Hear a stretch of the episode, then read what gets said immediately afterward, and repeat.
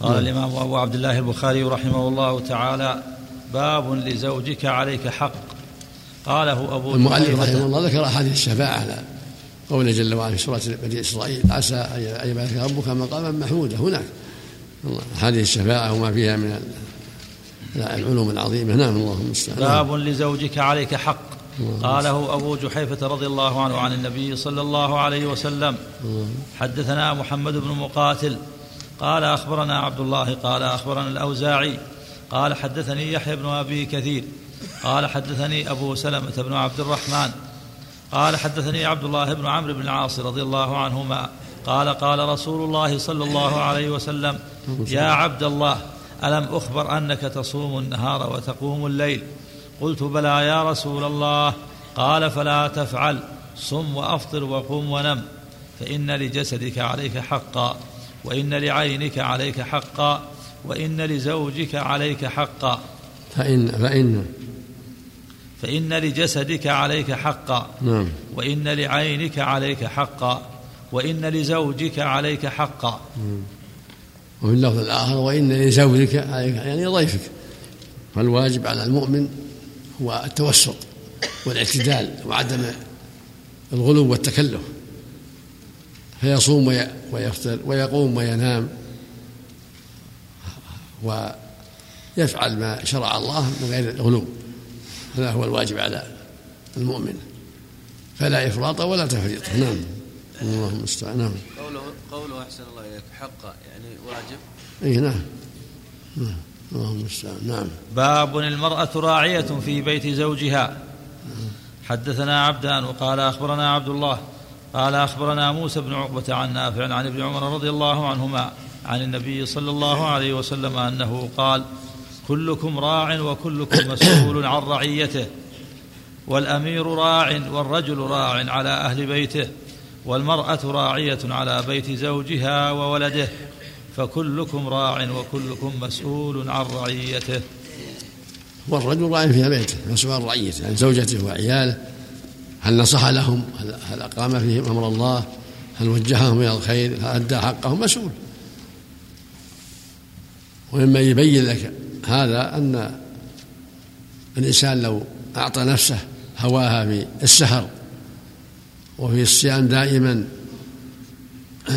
وعدم الأكل عدم الراحة هلك. هلك بكل أهلك نفسه. فلهذا أخبر النبي أن لنفسه عليه حقا. ولزوجه عليه حقا ولعينه عليه حقا حتى يستقيم حتى يستمر حتى يؤدي ما وجب الله عليه. لا يعين على نفسه بالقتل والموت.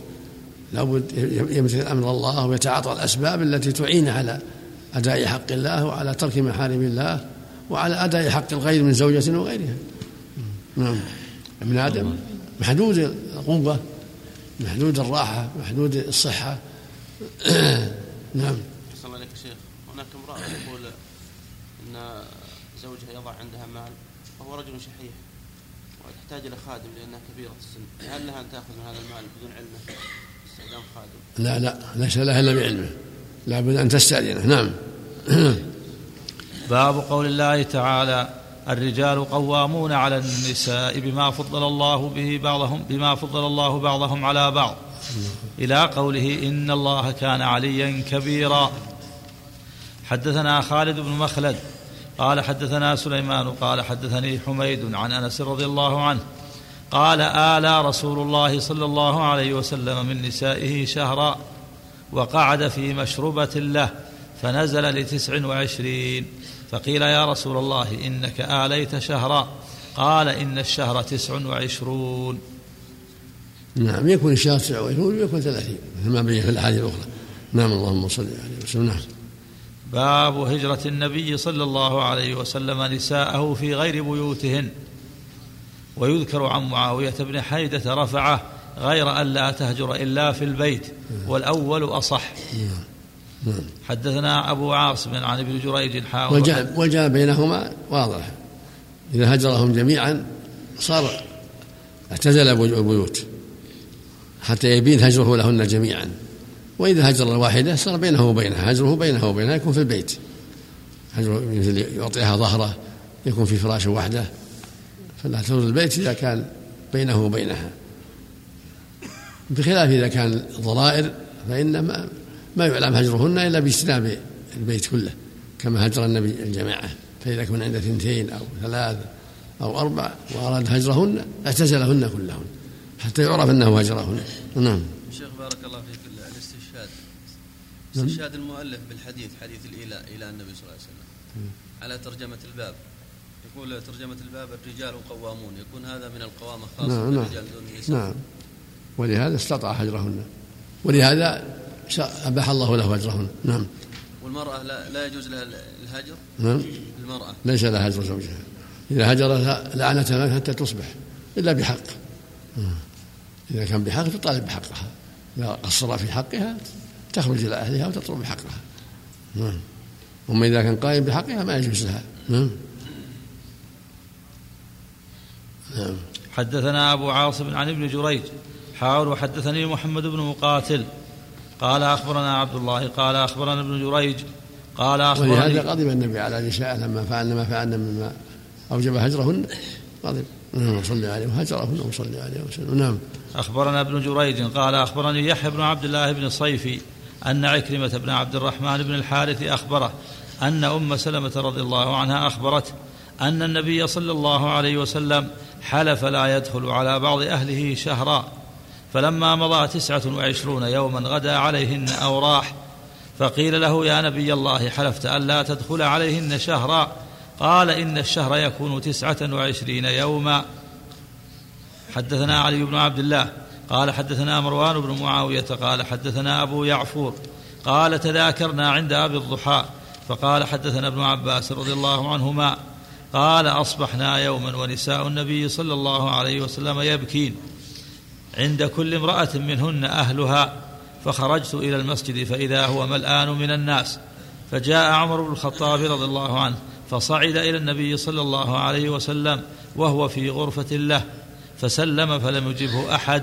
ثم سلم فلم يجبه أحد ثم سلم فلم يجبه أحد. فناداه فدخل على النبي صلى الله عليه وسلم فقال أطلقت نساءك؟ فقال لا ولكن آليت منهن شهرا. فمكث تسعا وعشرين ثم دخل على نسائه. وهذا يدل على أنه إذا حلف شهرا أن لا يفعل كذا أن الشهر يكون تسعة وعشرين. فإن ترك يعني خالف يمينه بعد تسعة وعشرين فإنه لا حرج عليه. لأن الشهر يكون تسعة وعشرين ويكون ثلاثين فيصدق عليه أنه فعل الشهر. فإذا قال والله لا أزور فلان شهرا ومضى تسعة وعشرون فقد مضى شهر. أو مضى ثلاثون فقد مضى شهر. مو شرط ينظر في الهلال لأن قد يكون الإيلاء وقد يكون الكلام في أثناء الشهر. وإن كمل ثلاثين من باب الاحتياط فلا بأس. أو نوى ذلك. فالحاصل أن هذا يدل على أنه أن العبد إذا آل شهرا أن يصدق على من كمل شهرا من كمل 29 أنه أتم الشهر. لأن الشهر يكون 29 ويكون 30 صلى الله ما يحمل على أنه من أول الشهر؟ نعم. هو ملزوم هو ملزوم من أول الشهر. يعني هو لأن الأيمان والطلاق يصادف أول الشهر ووسط الشهر وآخر الشهر. نعم. لفعل النبي صلى الله عليه وسلم. نعم. فعل النبي صلى الله عليه وسلم ما يحمل على انه من يظهر يظهر من هذا أنه هو من اول الشهر أنه في أثناء الشهر. لأن قال الشهر يكون 29 ما يلزم الا إذا نوى 30 نعم تسلم فلم يجبه احد يعني الروايه الاخرى ان ان ان الحارس اللي على الباب استأذن له فلم يأذن. هذه مختصرة. الحارس استاذن له فلم صمت النبي صلى الله عليه وسلم كما تقدم في الرواية. وفي الثالثة صمت ثم له فدخل صلى الله عليه وسلم. هنا ترك الحارس ما ذكر الحارس البواب يعني. نعم. نعم. الفرق بين الهجر والإيذاء قد يولي ولا يهجر. الهجر ترك, ترك الكلام معهن بالكلية. أو ترك الجماع معهن يختلف الهجر. والإيذاء قد يولي وهو يكلمها ولكن يولي من من الجمع من الوقت لا يجامع. قد يبيت عندها وقد يكلمها ولكن لا يجامعها نعم. باب ما يكره من ضرب النساء. وقول الله تعالى واضربوهن. أي ضربا غير مبرح. حدثنا محمد بن يوسف قال حدثنا سفيان عن هشام عن أبيه عن عبد الله بن زمعة رضي الله عنه عن النبي صلى الله عليه وسلم قال لا يجلد أحدكم امرأته جلد العبد ثم يجامعها في آخر اليوم. يعني ينبغي أن يكون رفيقا وأن يكون آه، ينظر في العواقب ولهذا في الحديث الآخر ضربا غير مبرح كما في خطبة في حجة الوداع. يعني ضربا خفيفا يحصل به التأديب. لا لا يسويها بالعبد تأديبه بل أخف. ولهذا قال جل وعلا واللاتي تخافون نشوزهن فعظوهن واهجروهن واضربوهن يعني الضرب غير مبرح كما جاء في التفسير وكان جاء في حجة الوداع. نعم. ضرب خفيف يعني على حسب اجتهاده لا يكون فيه مشقة. نعم. باب لا تطيع باب لا تطيع المرأة زوجها في معصية. حدثنا خلاد بن يحيى قال حدثنا إبراهيم بن نافع. حدثنا حدثنا خلاد بن يحيى نعم. قال حدثنا إبراهيم بن نافع عن الحسن هو ابن مسلم عن صفية عن عائشة رضي الله عنها أن امرأة من الأنصار زوجت ابنتها فتمعط شعر رأسها فجاءت إلى النبي صلى الله عليه وسلم فذكرت ذلك له فقالت إن زوجي أمرني أن أصل في شعرها فقال لا إنه إن, قد إن, إن زوجي. فقال قال فقالت إن زوجها أمرني أن أصل في شعرها. نعم. فقال لا إنه قد لعن الموصلات. وهذا واضح. يقول النبي صلى الله عليه وسلم إنما الطاعة في المعروف. لا طاعة مخلوق في معصية الخالق وهذا من هذا الباب. ليس لها وصف شعرها. ما يطاع. إنما الطاعة في المعروف. أو قال افعل الربا عامل بالربا أو قال احلق لحيتك. ما يطاع. إنما الطاعة في المعروف. سواء كان الآمر أبا أو أما أو أميرا.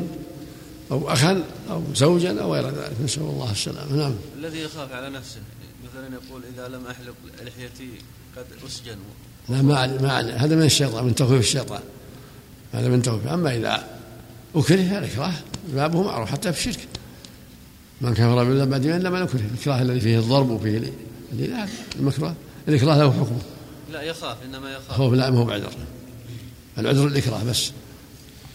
نعم. يكون بالضرب يكون, بالضرب والسجن والتهديد من قاتل. تطيع تطيع المباح تطيع المباح تطيع لكن لا تطيع في المعصية بس. نعم نعم. باب وإن امرأة وإن امرأة خافت من بعلها نشوزا أو إعراضا. حدثنا محمد بن سلام قال أخبرنا أبو معاوية عن هشام عن أبيه عن عائشة رضي الله عنها. وإن امرأة خافت من بعلها نشوزا أو إعراضا. قالت هي المرأة تكون عند الرجل لا يستكثر منها فيريد طلاقها ويتزوج غيرها. تقول له أمسكني ولا تطلقني ثم تزوج غيري فأنت في حل من النفقة علي والقسمة لي. فذلك قوله تعالى فلا جناح عليهما أن يصالحا بينهما صلحا والصلح خير. وهذا يقع كثير قد تكون محتاجة إليه تقول لا تطلقني وأنا سامحه. عن نفقة وعن كل شيء عن ليلتي وعن كل شيء بس لا تطلقني خليني في حبالك ولاحظني ولا بأس. وفي هذا بقى قصة سودة. قال لا تطلق أنا أبقى في في حبالك وفي حسابك واجعل يومي لعائشة. فأبقاها في في عصمته صلى الله عليه وسلم ومات وهي في عصمته ويومها لعائشة. نعم. حتى لو كان هذا يا شيخ في أصل العقد. نعم لو كان في أصل العقد لو قال تزوجني ومتى ما رغبت أن تأتي إلي لا أشترط عليك ليلة الظاهر لا ما الظاهر باب واحد نعم نعم نعم نعم نعم إيش؟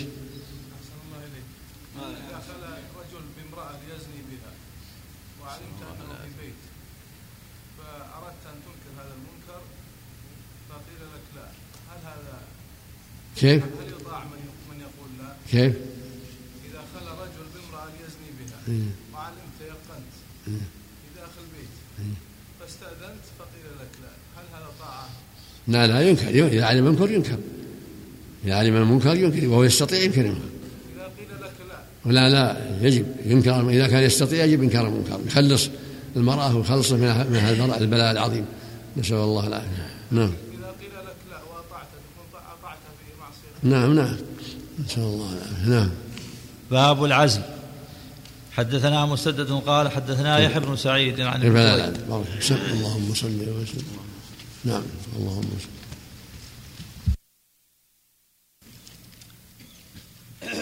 باب العزل. حدثنا مسدد قال حدثنا يحيى بن سعيد عن ابن جريج عن عطاء عن جابر رضي الله عنه قال كنا نعزل على عهد رسول الله صلى الله عليه وسلم. حدثنا علي بن عبد الله قال حدثنا سفيان قال قال عمرو أخبرني عطاء أنه سمع جابر رضي الله عنه يقول كنا نعزل والقرآن ينزل. وعن عمرو عن عطاء عن جابر رضي الله عنه قال كنا نعزل على عهد رسول الله صلى الله عليه وسلم والقرآن ينزل. حدثنا عبد الله بن محمد بن أسماء قال حدثنا جويرية عن مالك بن أنس عن الزهري عن- محيريز عن عن ابن محيريز عن أبي سعيد الخدري رضي الله عنه قال أصبنا سبيا فكنا نعزل. فسألنا رسول الله صلى الله عليه وسلم فقال أو إنكم لتفعلون؟ قالها ثلاثا ما من نسمة كائنة إلى يوم القيامة إلا هي كائنة. نعم بسم الله الرحمن الرحيم اللهم صل وسلم على رسول الله. هذه الأحاديث تدل على جواز العزل وأنه لا حرج فيه بقوله كنا نعزل والقران ينزل رحمك الله. ولو كان شيء ينهى عنه لنهى عنه القرآن. في رواية مسلم فبلغ ذلك النبي صلى الله عليه وسلم ينهنا دل ذلك على أنه لا حرج في ذلك وما وما من نفس منفوسة إلا س- سوف توجد. عزل أو لم يعزل لكنها من الأسباب. العزل من الأسباب التي تمنع وجود النفس التي قدر الله أن يكون العزل سببا لعدم وجودها. والعزل كونه يخرج الماء خارج الفرج. إذا أحس بقرب خروج الماء المني أخرج ذكره وألقى المني بالخارج هذا هو العزل. يعني إلقاء المني من خارج الفرج حتى لا تحمل. وهذا يفعلونه في الغالب مع مع الإماء. إذا كان له أمة وخاف أن تحمل قد يفعل هذا لأن قد يبيعها قد يقصد بيعها. أو لا يريد وجود نسل, منها. فالصواب أنه لا حرج في ذلك إذا دعت الحاجة إليه. نعم. الأقرب والله أعلم أنه لا بد من ذلك لأن لها حق في الولد. لها حق في الولد. جاء في حديث فيه ضعف الأمر بذلك باستئذانها ولكن المعنى واضح. ليس له العزل عنها إلا بإذنها. نعم. إلا الأمة الأمة لا بأس. نعم. وعد الخفي الجائز يعني. ما هو معنى الوعد المحرم. نعم. شيخ بارك الله فيك تحديد ما يسمونه بتحديد النسل نعم. لا ما هو لا أقرهم ما يعني يسألهم أنهم تفعلون. ما من نفس يعني اعلموا أنه ما من نفس منفوسة إلا الله خالقها. يعني العجز لا يمنع وجود الأنفس التي قدر الله وجودها لكنه سبب لعدم الحمل. تحديد النسل يا شيخ لا لمضرة المرأة لا ما ينبغي ما ينبغي تحديد النسل لا. إلا إذا دعت المرأة الحاجة والمصلحة لذلك بصفة مؤقتة. نعم. نعم. الأقرب لها التحريم لأن الأمة مطلوب منها أو الأمة مطلوب منها أن تجتهد في تكثيرها ووجود النسل والعفة. أقل أحواله كراهة الشيء لكن ظاهر الأدلة المنع. نعم. الحديث الضعيف أحسن الله في المنع. نعم. الحديث الضعيف في المنع وفي الجواز. الحديث نعم. الضعيف. الحديث الضعيف في العزل. حديث أن أن أن الرسول نهى أن يعزل الرجل إلا بإذن الحرة يعزل عنها إلا بإذنها. رواه أحمد في إسناده رجل مجهول. فيه النهي عن العزل عن الحرة إلا بإذنها نعم. لكن المعنى صحيح من حيث المعنى. نعم. لأن لها حق في الولد هما شركاء في الولد. نعم. باب القرعة بين النساء إذا أراد سفرا. نعم. حدثنا أبو نعيم قال حدثنا عبد الواحد بن أيمن قال حدثني ابن أبي مليكة عن القاسم عن عائشة رضي الله عنها أن النبي صلى الله عليه وسلم كان إذا أراد سفرا أقرع بين نسائه فطارت القرعة لعائشة وحفصة رضي الله عنهما. وكان النبي صلى الله عليه وسلم إذا كان بالليل سار مع عائشة يتحدث فقالت حفصة ألا تركبين الليلة بعيري وأركب بعيرك تنظرين وأنظر. فقالت بلى. فركبت فجاء النبي صلى الله عليه وسلم إلى جمل عائشة وعليه حفصة فسلم عليها ثم سار حتى نزلوا وافتقدته عائشة فلما نزلوا جعلت رجليها بين الإذخر فلما نزلوا جعلت رجليها بين الإذخر وتقول رب سلط علي عقربا أو حية تلدغني ولا جعل أستطيع. فلما, فلما نزلوا. فلما نزلوا جعلت رجليها بين الإذخر. نعم. وتقول رب سلط علي عقربا أو حية تلدغني ولا أستطيع أن أقول له شيئا. وهذا من من غيرة النساء وقلة صبرهن قلة صبرهن اللهم المستعان. وهذا فيه دلالة على أن من لديه زوجتان أو أكثر وأراد السفر يقرع بينهن. إلا إذا رضيت بإحداهن بالسفر دون الأخرى فلا بأس. والقرعة تبين من يسافر بها من لا يسافر ممن لا يسافر بها. إذا أراد لا يسافر إلا بإحداهما أو بإحداهن يقرع كما فعل النبي صلى الله عليه وسلم. فأيتهن خرج لها القرعة يسافر بها. إذا أراد السفر بإحداهن. وفي سفرة من الأسفار خرجت القرآن حفصة وعائشة وسافر بهما جميعا. وكان النبي يمشي حول جمل عائشة للتحدث معها في السير. فغارت حفصة من ذلك واحتالت على عائشة. فقالت تركب من بعير بعيري هذا اليوم وأركب بعيرك. نجرب ونشوف يعني تجرب سير, بعيري وسير بعيرك. وقصدها حتى يقف عندها النبي صلى الله عليه وسلم ويبحث معها فجاء النبي على عادته يتحدث إلى بعير عائشة فإذا في حفصة فاستمر معها يتحدث معها فاشتد الأمر على عائشة بسبب ذلك. فلما نزلوا جعلت رجليها بين الإثر وتقول اللهم حية اللهم عقرب يعني حتى أستريح يعني أموت حتى أستريح من شدة الغيرة يعني إنها خدعت لي حفصة حتى صار كذا وكذا. وهذا من شدة بغيرة النساء وشدة غيرتهن. فالواجب على الرجل التحرز من هذا الشيء والسير بالعدل بينهن والحرص على الطمأنينة حتى لا تكون بينهن المشقة الكبيرة. نعم الله المستعان من شدة الغيرة الغيرة الغيرة قد تخرج قد تخرج المرأة عن عن قدرتها وعن تفكيرها. الله المستعان. نعم. حسن الله هنا القرعة طارت الاثنتين هنا. نعم. القرعة هنا الاثنتين لعله لا, لا لأسباب اقتضاء ذلك. لعله أقرع بينهما خرجت القرآن ثم أقرأ بينهما لثانية أراد ثانية صلى الله عليه وسلم. نعم. أحسن الله إليك. إذا كان بين الزوج والزوجة أمراض وراثية ونص الأطباء أنه إذا أتى ولد قد يكون مريض. ما حكم يعني نكاح أو جلب الولد؟ لا حرج في ذلك. لا حرج. الأطباء يخطئون ويصيبون والأطباء ما, ما يعتمد عليهم يخطئون ويصيبون. نعم. نعم. نعم. باب المرأة تهب يومها من زوجها لضرتها وكيف يقسم ذلك؟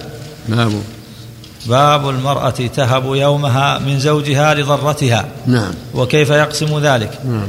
حدثنا مالك بن إسماعيل قال حدثنا زهير عن هشام عن أبيه عن عائشة رضي الله عنها أن سودة بنت زمعة وهبت يومها لعائشة. وكان النبي صلى الله عليه وسلم يقسم لعائشة بيومها ويوم سودة. كان النبي أراد أن يطلق سودة. فقال يا رسول الله يومي لعائشة ولا تطلقني أبقى في حبالك. فجعل يومها لعائشة وبقيت زوجة في حباله صلى الله عليه وسلم حتى توفي عليه الصلاة والسلام. هذا في دل على جواز أن تهب إحدى الزوجات يومها للأخرى إذا رضي الزوج بذلك. نعم. أحسن الله إليك. إذا كانت المرأة الرجل تزوج ثانية والأولى رفضت أن تبيت عنده وتجلس معه. ثم رضيت بعد. هل يقسم لها؟ يلزم يلزمها. لكن يقضي لها ولا ما في حاجة للقضاء؟ يلزمها أن أن تخضع لحكم الشرع وأن ترضى بقسم الله سواء اثنتين أو ثلاثة أو أربعة. وإذا امتنعت عاد لها قسم. إذا امتنع سقط حقها. نعم. هي اللي أسقطت حقها. ما ما يقضى لها شيء. نعم. الله. نعم. إذا وهبت يومها ثم رجعت. لها ترجع لها الرجوع الرجوع تقول بيومي ولا طلقني؟ ولا طلقني. قد لا تصبر. نعم. نعم. ب... نعم. لا جواز المسيرة ما يصلح جواز المسيرة منكر. لابد من من أن يكون مشتمل على الشروط الشرعية. ولابد يكون معلنا يعرفه الناس يعرفه جيرانه وأهله. نعم. نعم. كانت الزوجه الاولى رفضت ان تعيش مع الاولى مع الثانية بعد الزواج وطلبت الطلاق ما حكم الطلاق؟ ما يلزمه طلاقها أقول ما يلزمه عليها أن تخضع لحكم الله. تصبر. إذا أحب يطلقها ما بأس. لكن ما يلزمه لكن إذا أحب يطلقها لا بأس. نعم. الله زواج المسيار. نعم. زواج المسيار يعلن بس هي تسقط حقوقها. لا بد يكون من شروطها الشرعية إذا زوجها على أن يكون لها في النهار دون الليل بشروط شرعية ومعلن. أنها زوجة ما في خداع يكون زنا. معلن هو يعلنون إذا أعلنوا زواج لكن إذا أعلنوا وتمت الشروط لا بأس. لكنها تقول تأتيني متى متى ما أردت أو إذا تمت الشروط وأعلنوه لا بأس ما نعلم فيه شيء. أسقطت حقها. نعم يأتيها نهارا دون الليل وأسقطت حقها لا بأس. الحق ولها نعم. مثل ما أسقطت سودة حقها. نعم. نعم. باب العدل بين النساء. ولن تستطيعوا أن تعدلوا بين النساء إلى قوله واسعا حكيما. باب إذا تزوج البكر على الثيب. العدل بين النساء واجب حسب الطاعة لقوله صلى الله عليه وسلم اللهم هذا قسمي والعشاء كان يقسم بين النساء فيعدل ويقول اللهم هذا قسمي فيما أملك فلا تلوني فيما تملك ولا أملك. يقسم بينهم ويعدل بينهم في الأيام والليالي لكن الحب والجماع ما هو مو في هواه. لا لا يلزم فيه التسوية. لأن المحبة ليست بيده. قد تكون هذه أحب من هذه قد يجامع هذه أكثر لأن الميل إليها أكثر وهكذا. الشيء اللي بيده يلزمه العدل فيه. والذي لا يستطيعه لا لا يلزمه. نعم. أحسن الله عملك إذا أتحف واحدة دون الأخرى هل يكون هذا من غير العدل؟ ليظهر لي أنه لابد من التسوية بينهما. نعم. في النفقة ونحوها. نعم. أحسن الله إليكم إذا تزوج ثانية والأولى قد حج بها والثانية لم تحج ثم ذهب بالثانية هل يلزم أن يحج بالأخرى بالأولى؟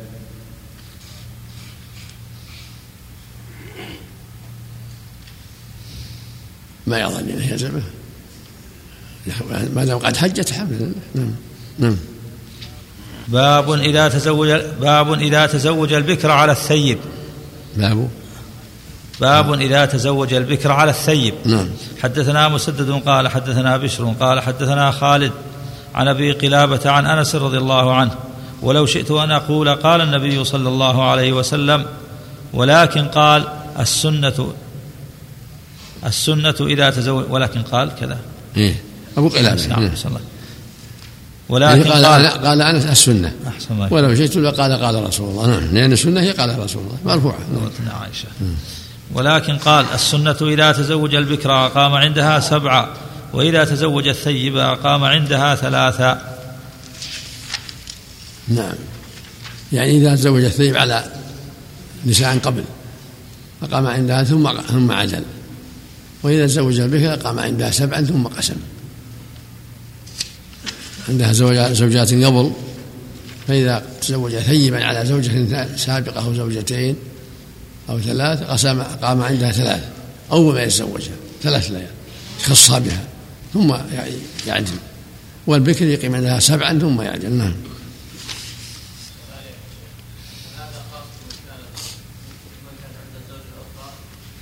أي هذا في من عنده زوجة. نعم. هذا في القسم.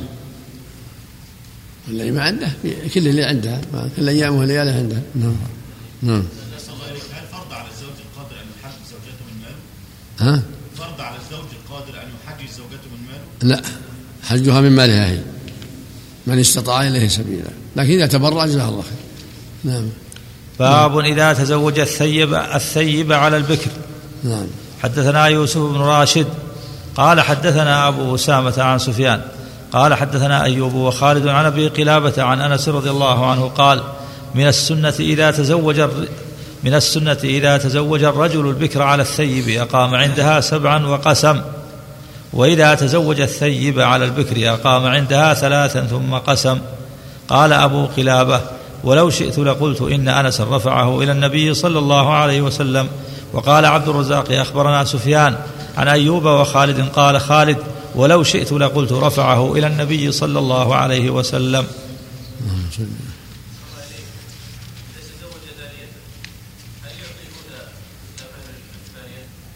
يعني جهاز لا لا ما- يعطيه. نعم. بس التسوية بينهم في القسم والنفقة. نعم. لكن ما يعطيها أحسن الله عليك من مسألة الرضاعة يعطيها هذه 10000 هذه اصطلاح بينهم. أو اصطلاح بين الناس ولا مو بلازم؟ لكن لا يلزم أن يعطي الله. أباح الله أباح له التعدد. لكن إذا أعطاها الرضا وهذا ما يقولون. هذا من مكارم الأخلاق ومن تط- من التطمين وتخفيض ما أصابها من الشدة لأنه يصيبه شدة عند وجود الزوجة الثانية. فإذا أعطاها بعض الشيء حتى يطمئن قلبها ترتاح بعض الراحة هذا حسن. هل يعطي الثانية شيئا نعم. كمثلها ولا ما يلزم؟ لا لا هذا بس ضابط الهادم يا دراهم يا لباس يا اللي يتيسر نعم. طيب أحسن الله إليك. إذا اشترطت الأولى لابد أن يكون لها مبلغ معين من المال. نعم. إذا اشترطت الأولى وقالت لابد أن يكون هناك مبلغ من المال وإلا أنا لا أرضى. وأطلب الطلاق هل يعطيها؟ ما يلزم ولا ترضى ولا يلزمه. ترضى ولا ما ترضى؟ واجب عليها ترضى. نعم لكن هذا من مكارم الأخلاق ومن تهدئة الأمور كون يعطيها. ولا ما لها حق تلزمه. ولا لها حق تطلب الطلاق. الله أباح لها أربع. هي هي إحداهن. نعم. الناس قد يكتب لها عمارة ولا شيء؟ يرضاها بشيء أما الرضا ما لها حد يعني واقف الرضاوة ما لها حد محدود. أقوى الرضاوة ما لها حد محدود. نعم. أحسن الله إليك يا شيخ. من جلس مع من جلس مع امرأته الأولى ولم يتزوج عليها وهي لا تنجب هل يؤجر على ذلك؟ الأجر الله لا بأس به هم الأجر الله أعلم.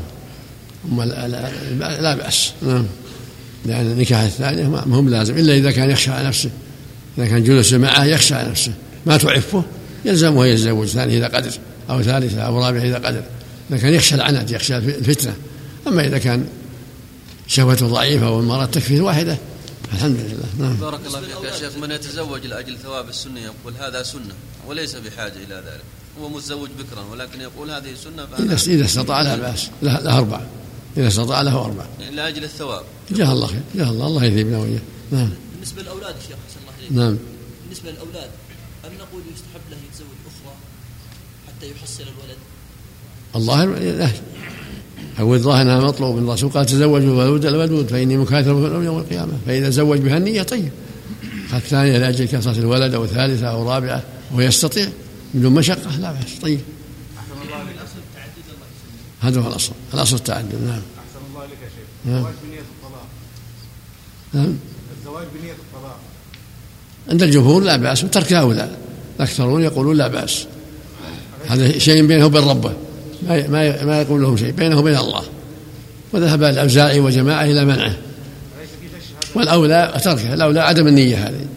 هذا هو الأولى والاحوط نعم. في في بعض الناس يسافرون بعض البلاد الآن. يسافرون بهذه النية يذهب ولو ترك النية اولى ترك هذه احوط خروجا من الخلاف. من الجمهور يرون جواز هذا والأحوط تركه. نعم. ها؟ يأثم يأثم إلا برضاع الثاني اللي معه. ما لا ما لا يقيم عندها إلا ثلاثة أيام ثم يقسم. إذا رضي صواحباتها قالوا ما خالف أقيم عندها عشر ولا شهر إذا رضي ما يخالف أحسن الله إليك. إذا كان جلس عندها عشرا ثم عوض الأخريات لا ليس له إلا ثلاث أحسن أحسن الله نعم. أحسن الله يكون تفريق بين العبارتين. إذا تزوج الرجل البكر على الثيب والثانية إذا تزوج الثيب على البكر.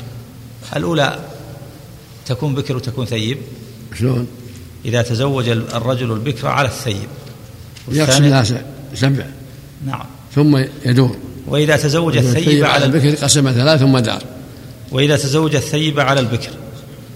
الأولى يعني الأولى سماها بكر يعني.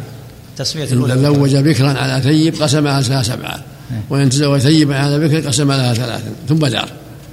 أحسن لك تسمية الثانية بكر أو ثيب. ها؟ الثانية الأولى يعني تسميتها بكرا أو ثيب. تسمى ثي بكر ودخل بها. ما تعرف البكر من الثيب. الأولى. البكر اللي ما بعد تزوجت هذا بكر. الأولى. البكر اللي ما بعد تزوجت. الأولى أحسن الله إليك الأولى. تزوج تزوج الثيب على البكر. الأولى سماها بكرا. لتزوج عليها. تسميتها بكرا. المقصود الأخيرة إذا كانت بكرا قسم لها سبعة هذه الأخيرة. وإن كانت ثيب قسم لها ثلاثة بصرف النظر عن الأولى يعني. إذا كان الزواج الأخير بكر على بكر قسم لها سبعا إذا كان عند غيرها وإن كانت ثيبا قسم لها ثلاثة إذا كان عند غيرها نعم. نعم. نعم الله إليك إن شئت سبعت إن شئت سبعت لك ما يدل على جواز قسم أكثر من نعم. إن شئت سبعت لك. نعم. إن شئت سبعت لك ما يدل على جواز المكوث أكثر من ثلاث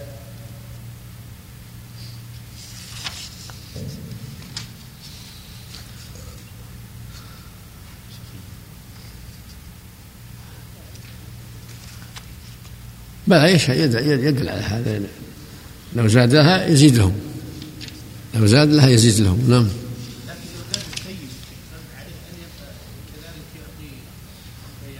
أي إذا زاد يقسم له مثلها. إذا زاد لكن السنة بس ثلاث فقط. لكن إن شئت قسمت ثم قسمت النسائي يعني عدلا من باب العدل. نعم. نعم. باب من طاف على نسائه في غسل واحد. باب؟ باب من طاف على نسائه في غسل واحد. نعم. حدثنا عبد الأعلى بن حماد قال حدثنا يزيد بن زريع قال حدثنا سعيد عن قتادة أن أنس بن مالك رضي الله عنه حدثهم أن نبي الله صلى الله عليه وسلم كان يطوف على نسائه. حتى يشكي معنى شيء سبعة يعني معناه أن إذا قسم لها سبع يقسم لهم على سبع سبع تضيع الثلاث ذيك راحت. هذا معناه شيء سبعت له ثم يسبع النساء يكون واحدة يقيم عندها سبعة حتى ثلاثة تضيع. نعم. نعم هذا معناه نعم. لكن ظاهر هذا ما يزيد على سبع نعم. أقول ما يزيد على سبع. هذا اللي جاء في الحديث سبع. نعم. هي تقول ورا ما تسبع لي مثل بكر. قال إن سبعت لك سبعت النساء نعم. نعم. عن قتادة أن أنس بن مالك رضي الله عنه حدثهم أن نبي الله صلى الله عليه وسلم كان يطوف على نسائه في الليلة الواحدة وله يومئذ تسع نسوة. هذا يدل على جواز. لو خص وقتا معينا يطوف فيه على الأربعة والثلاث لا بأس. وإن لم يخص عدل في القسمة وانتهى. لكن لو خص وقتا يطوف فيه عليهن مثل ما فعل النبي فلا حرج. يكون عدل. نعم.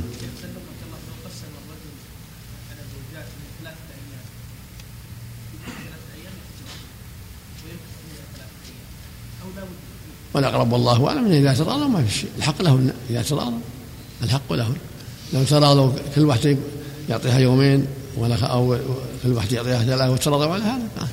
الحق له مثل ما إن شئت سبعت وسبعت الإنسان متقارب المعنى. لا ما يرضى. على واحدة واحدة نعم. نعم. باب دخول الرجل على نسائه في اليوم. نعم نعم. باب دخول الرجل على نسائه في اليوم. نعم. حدثنا فروة قال حدثنا علي بن مسر عن هشام عن أبيه عن عائشة رضي الله عنها قالت كان رسول الله صلى الله عليه وسلم إذا انصرف من العصر دخل على نسائه فيدنو من إحداهن فدخل على حفصة فاحتبس أكثر ما كان يحتبس. نعم. باب إذا هذا في جواز. يرتب لهم يوم وقت يمر عليهم لا بأس. عنده أربع ويطوف عليهم العصر كل واحد يمر عليه قليل يشرب فنجان قهوة أو كذا أو كيف حالكم كيف أنتم ويخرج ما في بأس. مثل ما كان يطوف هذه الساعة بعد العصر جميعا. فإذا انتهى إلى صاحب الدورة بات عندها هذا من باب التعرف على أحوالهن وتفقد حاجاتهن وتسميع لأن خاطرهن لأن المدة طويلة تسع ليالي. وإذا كان عندها أربع أربع ليالي فإذا جاء الوقت يطوف عليهن فيه حتى يعرف أحوالهن العصر أو بعد الظهر أو ساعة من الضحى يمر عليهن لا بأس. نعم. يبدأ القسم من غروب يتفقد الشمس. أحوالهن نعم. يبدأ من غروب الشمس. نعم. من غروب الشمس الليلة تبدأ لمن يبيت عندها نعم نعم. صاحبة الليلة من غروب الشمس. نعم. أحسن الله إليك. النهار ليس لهن حظ فيه. نعم. أقول النهار هو حر فيه أم الظاهر لا لابد يعدل فيه مثل الليل. نعم. عليك من قال عماد القسم الليل. يقول النبي صلى الله عليه وسلم قال اللهم هذا قسمي فيما أملك فلا تلومني فيما تملك. ولهذا كان يطوف عليهن في النهار جميعا ما يخصهن. يطوف عليهن جميعا العصر. والعدل يشمل ذلك نعم. عماد القسم الليل. يعني في الغالب يعني ولا قد يكون بعض الناس ما, ما عنده ليل ما عنده إلا نهار. الواجب العدل في الليل والنهار. نعم. لكن غالب الناس عماده الليل. لكن بعض الناس قد يكون عمل في الليل قد يكون حارس قد يكون ما يكون عنده عمل إلا في النهار. يكون مثل الليل يكون مثل الليل بالنسبة بالنسبة إلى غيره. نعم. باب إذا استأذن الرجل نساءه في أن يمرض في بيت بعضهن فأذن له. باب باب إذا استأذن الرجل نساءه في أن يمرض في بيت بعضهن فأذن له. نعم.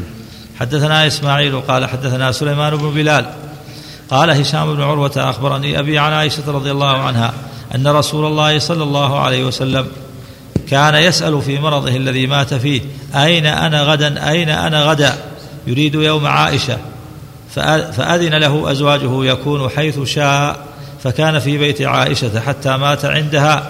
قالت عائشة رضي الله عنها فمات في اليوم الذي كان يدور علي فيه في بيتي فقبض فقبضه الله.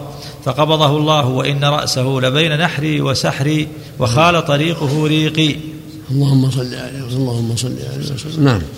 باب حب الرجل بعض نسائه أفضل من بعض. حدثنا عبد العزيز بن عبد الله قال حدثنا سليمان عن يحيى عن عبيد بن حنين سمع ابن عباس رضي الله عنهما عن عمر رضي الله عنه دخل على حفصة فقال يا بنيه لا يغرنك هذه التي أعجبها حسنها حب رسول الله صلى الله عليه وسلم إياها. يريد عائشة فقصصت على رسول الله صلى الله عليه وسلم فتبسم. نعم. هذا هذا بعض الحديث الصحيح سئل أي الناس يحب قال عائشة قال من الرجال قال أبوها. هذا أمر فطري. ما فيه كونه يحب هذه أكثر من هذه ما فيه هذا أمر لا بد منه نعم يقع. نعم. باب المتشبع بما لم ينل. نعم. باب المتشبع بما لم ينل. بركة. سم. اللهم صل على نعم. اللهم صل على نعم. الأخيرة طيب. وشبع لها. فالبواقي يعطيه ثلاثة أيام أربعة أيام. كيف كيف؟ إذا كانت الأخيرة أحسن الله عليك طيب. وشبع لها سبعة أيام. يقسمهم على سبع سبع. كلهم سبع سبع ولا أربعة أربعة؟ لا تضيع الثلاث ضاعت الثلاث. ضاعت الثلاث. تضيع الثلاث. نعم. تضيع الثلاث. تضيع سبع على سبع سبع. نعم. الذي يقرأ على الناس. هل هل يستطيع يتعرف عن على مكان السحر؟ ما ما اظنه أو ما اظنه يستطيع. لكن إذا وجد يتلف. من يدعي أنه يعرف مكان السحر؟ والله ما لا يكون يستعين به ما أظن هذا إلا أن هذا مشعوذ. أقول إنه مشعوذ. أو يست أو ي- ي- يسأل الشاطئ يساله نعم. بسم الله الرحمن الرحيم. يا شيخ يقول يستدل من كلام الجني ان الجني قد قد يسألهم قد يسألهم قد يصدقون وقد يكذبون. نعم. نعم. طواف الرجل على نسائه أحسن الله هل برضا صاحبة المبيت الأول؟ لا ما يحتاج- ما يحتاج. إذا سوى بينهم ما فيش. ما يحتاج رضا استئذان أحد. إذا سوى بينهم في وقت يطوف عليهن فيه لا بأس مثل ما فعل النبي صلى الله عليه وسلم.